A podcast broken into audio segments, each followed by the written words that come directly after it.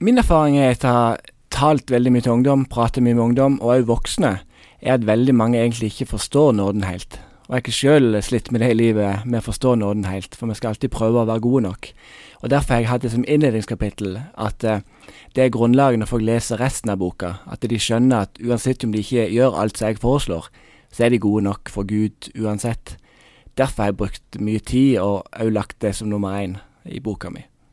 Du sier at, har, at det, det, det, har vært litt sånn vanskelige ting for deg sjøl å gripe. På, på hvordan måte da? Det er skrevet litt om i boka, i forhold til at det er fort gjort at du faller i en av grøftene. Enten så er det sånn at du synder på nåden, og det vil si at du tenker bare ja, men Gud, han tilgir meg uansett, så det er ikke så farlig.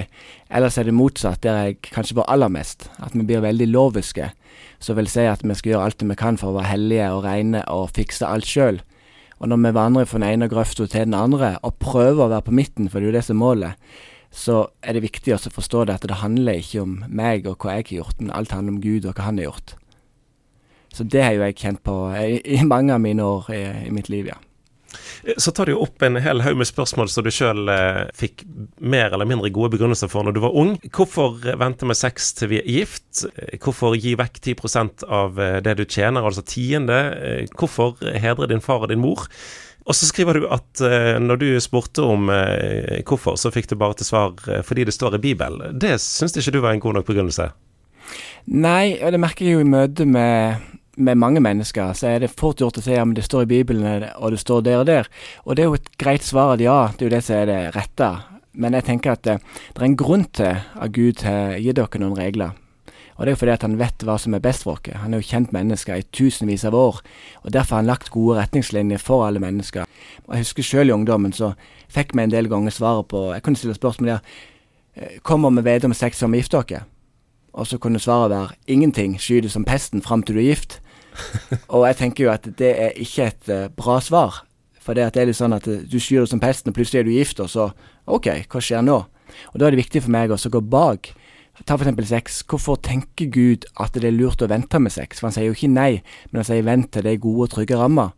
Og det er bare til å se på samfunnet rundt dere i dag, så ser du alt som skjer fordi at vi har sex utenfor ekteskapet du har kjønnssykdommer. så du har veldig mye forskjellige ting. Jeg skal ikke inn på alt det nå, men det er mange gode grunner til at Gud sier at vent med sex. Og ikke minst er jo det med at det gjør noe med mennesker når en har mange partnere. Vi tenker ikke på det, men uh, det skjer noe i mennesket. og mennesker får et sår på innsida som ikke er så lett å lege uten at Gud kommer med sin legende kraft. Så jeg tenker det I alle de spørsmålene her så er, så er Gud mye lurere enn det vi er, og det er en god grunn til at han sier vent til du er innenfor de rette rammene. Er det forresten derfor boken heter det han heter? Det er lov å være lur? Ja, det er derfor uh, han heter det. Gud er ikke noe kjip Gud eller noe Gud som sier nei bare fordi at han vil det, men Gud vet hva som er best for menneskene. Og da syns jeg det er morsomt hvor ofte jeg iallfall tror at jeg vet bedre enn Gud. Men du, det med den, den måten å, å, tenke på i forhold til å, å, gi svar til unge, om du vil en, en grundigere begrunnelse, og ikke bare si 'sånn er det', akseptere det, på en måte. Eh, hvorfor er det viktig? Det er viktig i dagens samfunn. Vi blir jo eh, jeg vet ikke om klokere og klokere er rett ord, men vi får mer og mer kunnskap. Veldig mange tar mastergrad og høyere utdannelse, og da er ikke fornøyd med bare å si 'fordi'. Så vi trenger å gi rasjonelle, gode forklaringer på hvorfor vi tror det. Og da har jeg prøvd eh, etter beste evne å tenke det gjennom eh, Det tenker jeg alltid når jeg forkynner òg.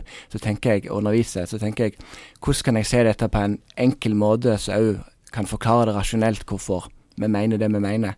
Og Det merker jeg i møte med mennesker som ikke tror på Gud. Så er det mye lurere å gå den veien enn å bare si jo fordi det står i Bibelen.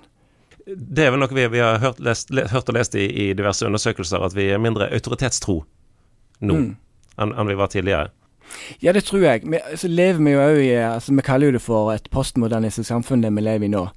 Og det handler jo mye om at du skal finne din sannhet. Det som er rett for deg, det er rett for deg, og det som er rett for meg, det er rett for meg. Og det har jeg lyst til å utfordre litt, for jeg tror at det der finnes bare én sannhet, og det er jo at Gud elsker alle mennesker, at Jesus døde på korset, og at det er den eneste veien til frelse, tenker jeg. Og det har jeg lyst på en best mulig måte å kunne forklare det når jeg møter mennesker. At vi kan ikke bare velge det og velge det, vi må Det er enten-eller. Eh, ja, enten-eller er for så vidt òg et, et, et, stikkord. Eh, for akkurat i argumentasjonen for de ulike spørsmål som du er innom, så legger jeg merke til at, at eh, du er litt glad i nyansene. Du setter ikke opp et veldig tydelig enten-eller. Du prøver å manøvrere deg en vei imellom. Ja, det er litt bevisst, for det, jeg kan nok blitt den der en uh, gylne middelvei-fyren. For når jeg var 16-17-18, så var jeg superradikal. Altså, Når jeg ser tilbake på det nå, så var det veldig usunt. Det, og det er det jo liten tvil om. Og jo mer jeg prater med mennesker, jo, jo mer jeg møter mennesker, så ser jeg jo at det, det fins ingen enkle liv. Altså, det fins bare liv. Og i møte med folk så har jeg funnet ut at nyanser er mye viktigere enn det der svart-hvitt-greiene som jeg vokste opp med. For det at du Men det er klart, når du blir eldre, jeg er jo 31, så jeg er jo ikke gammel, altså, men jo eldre du blir, jo mer nyanser får du, for du ser at det ikke er svart-hvitt. Så jeg personlig er jo tydelig med hva jeg mener, men i boka så er jeg ikke utydelig. Men jeg ønsker bare å vise at det er flere måter å se ting på, og at det er flere ting som kan være rett. Du gir et, et eksempel, blant annet, som handler om platesamlingen din. Ja. Hvordan var den historien? Nei, Den historien gikk jo på at jeg hadde en periode da jeg var rundt 15, der jeg skulle bli uh, mer hellig og leve mer rett. Og da hadde jeg jo flere hundre CD-plater av en del sånne rockeband som var store når jeg var yngre. Uh, Guns N' Roses og Metallica og en del sånne band som ikke var så veldig kristelige. De var ikke ukristelige heller, men de var ikke kristelige. Og da bestemte jeg meg for at nei, nå skal jeg leve hellig, så jeg tok uh, alle CD-platene mine, og så ga jeg de vekk til min eldste bror og sa at du kan få de, og så vil ikke jeg ha de tilbake noen gang. Og så bare ser han på meg og smiler, og så sier han det at eh, når du kommer til deg sjøl igjen og finner ut at dette var en dum idé, så bare si ifra, så skal du få de tilbake. Og jeg sa jo selvfølgelig at det, det, kommer, det kommer aldri til å skje. Men det gikk to dager, og så angra jeg veldig på det valget jeg hadde tatt. Og så må jeg være ærlig si at jeg hørte jo på de sangene jeg var med noen av kompisene mine da. Jeg prøvde å lytte til musikken min der, så det var egentlig ganske hyklerisk. Men etter en periode da, så sa jeg til min bror at jo, jeg må ha musikken min tilbake. For dette, jeg så jo at det er jo ikke det det handler om egentlig. Det er jo viktig å tenke på hva du lytter til og hva du tar inn, men det er jo ikke det som er det viktigste likevel. Det blir fort bud og regler og lover, og da blir det veldig kjedelig Ikke kjedelig, ikke rett ord, men det blir veldig vanskelig å følge Gud når alt bare handler om bud og regler, og ikke nåde. Vi skal ikke gå dypt inn i, i mange av tematikkene som, som, du tar opp, men eh, det var én ting jeg tenkte jeg hadde lyst til å, å, gå litt innom. For at du anbefaler kristne foreldre veldig sterkt å ta sexpraten. Mm. Eh, og ikke på en måte bare tie det i hjel. Eh, hvorfor er det viktig for deg? Jeg har drevet masse research når jeg har skrevet denne boka. her. Var inne på ung.no, var inne på masse ulike sider. Og når du ser spørsmålene som de unge gjør, og en del av svarene som helsesøstrene gir til 11-12-13-åringer, så reagerer jeg ganske sterkt. Det kan være i synet på porno, f.eks. Så er det sånn at du må bare se på det. Det er, ikke, det er ikke så farlig for deg. Og det reagerer jeg på. Og jeg vil møte med mange foreldre, så kommer kommer av og til innpå det med, med sex og porno og alle de tingene der. Og da merker jeg en enorm naivitet. At alle, eller ikke alle, men en del kristne foreldre tror at de, at de har noen englebarn til unger. Og det kan godt være at de har, men jeg kan si det som har jobbet som ungdomspastor i mange år, og jobbet som rektor, og, og reiser rundt i hele Norge som forkynner til ungdom, at det er et fåtall av gutter iallfall som jeg møter, som ikke syns det er krevende med, med pornografi. Og da spør jeg mange ganger har du hatt denne praten med mamma eller pappa. Og det så ofte svaret er jo at nei, jeg har aldri hatt denne praten med mamma og pappa. Så jeg tenker jo det, at hvis ikke vi som foreldre tar praten med våre barn, hvem tar da praten? Sannsynligvis ikke kirka. Men da er det sannsynligvis media som tar praten. Og hva sier media? Jo, gjør det så mye du vil, gjør det med hvem du vil, det er ikke farlig, eh, se på porno mens du gjør det. Altså, det er en helt annen tankegang om de tingene her. Og da tenker jeg at eh, vi som foreldre, vi som troende, vi må ta et ansvar der. For egentlig sånn at eh, når du ser på samfunnet, så er det egentlig et perverst syn på sex, mens i mange kirker så er det et mangelfullt syn på sex. Og jeg tenker at vi må gå en plass i midten. Og så må vi våge å gå foran som menighet, som ledere, og rett og slett fortelle de unge hvorfor det er lurt å vente. Men mesteparten av boken handler altså om andre ting enn sex. Økonomi, Sjølledelse, nådegaver, vennskap og mentoring. Det å gå livet sammen med noen.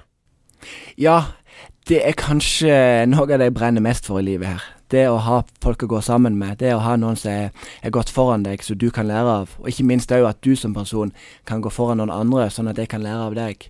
Det er for meg hele grunnlaget når det handler om disippelskap. At jeg savner det i, i mange kirker i dag. At en burde jobbe mer med disippelskap som i å gå foran, hjelpe hverandre. Når livet er vanskelig, så kan jeg komme til noen som er eldre enn meg, som har opplevd det samme, som har gått gjennom ting. Og så kan de lytte på meg, og så kan de òg si at det, det, kommer til å gå bra. For vi trenger noen ganger det. Og Øyne har gjort en del feil. Så kan jeg prate med noen, og så kan de si det at det, det går greit. Gud tilgir deg, det ordner seg. Og når jeg òg kan videreformidle min visdom til folk som er yngre enn meg igjen, så tenker jeg at det er jo sånn menigheten skal være. Og det er jo derfor jeg skriver ikke så mye om det der, men det er derfor jeg brenner så mye for generasjonsmenigheten. For at vi trenger alle generasjoner. Ingen er for unge, ingen er for gamle, men vi trenger hverandre. Sånn at vi kan lære av hverandre hele veien. For det tror jeg er en nøkkel. Jeg tror det at, at for mange unge så kan det føles litt sånn skummelt å skulle på en måte prate med noen som er eldre, og stille spørsmål og eh, være åpen osv. Og så tror jeg kanskje òg at eh, for en del som er eldre, i alle fall eldre enn de som er yngre, så kan det òg føles litt sånn at der kan jeg brukes til noe, på en måte. Mm. Eh, har du noen tips eller noen tanker i, i forbindelse med det? Jeg merker jo at det du sier, er det veldig mange som tenker. At det er sånn, hva kan jeg komme med? Men det jeg ikke finne ut, er jo at eh, for det første så handler det ikke om at du må, hvis du er 50, at du må kle deg i skinny jeans og du må gå Altså Mange tror det at de må se så kule ut, men det er total motsatt virkning. Så det handler om at du må være deg sjøl, gå med de klærne du pleier å gå i.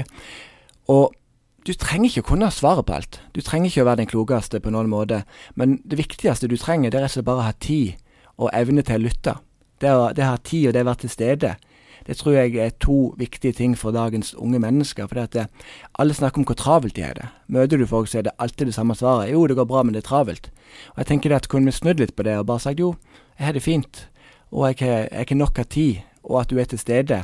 Så hvis du er eldre og vil prate med noen som er yngre, så handler det rett og slett bare om å ha tid til dem, og det å være til stede for dem. Og så vet du mye mer enn du, du, enn du tror at du vet. Det kan jeg jo bare garantere deg.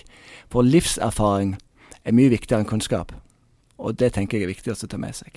Du har jo òg erfaring som pastor. Eh, har du noen tanker hvordan menigheter kan legge til rette for at eh, at unge og ikke så unge kan finne hverandre på den måten? Det er klart, For det første så må du jo forkynne om det. Du må velge å ha det som en del av forkynnelsen som pastor. Så tenker jeg at du må legge til rette for fadderordninger. Det prøvde jeg også å få til sjøl når jeg var ungdomspastor. Det var ikke så enkelt som jeg hadde håpet. Men jeg har ikke tenkt å prøve å få det til igjen nå når jeg skal bli pastor igjen til høsten for å sikre at alle mennesker blir fulgt opp. Men jeg sjøl har iallfall regler på at eh, hvert nye år så skal jeg finne minimum én ny person som jeg følger opp. Og så varierer det hvor lenge jeg følger han opp, da, men iallfall sånn at jeg hele veien gjør nye disipler, som igjen kan gjøre nye disipler. Så dette tenker jeg er noe av det viktigste vi som menighet kan gjøre. Istedenfor å gjøre så mange aktiviteter som vi gjør, så bør vi kanskje kutte ut noen aktiviteter, og heller fokusere på å gjøre disipler. For det jeg bare merker han som betydde mye for min del da jeg var yngre. Det var ikke han som sto på plattformen og talte og visste alt om bønn og visste alt om Gud. Og vi, ikke i det hele tatt. Men det var han som hadde tid til meg og heia på meg. Og det var det som utgjorde forskjellen.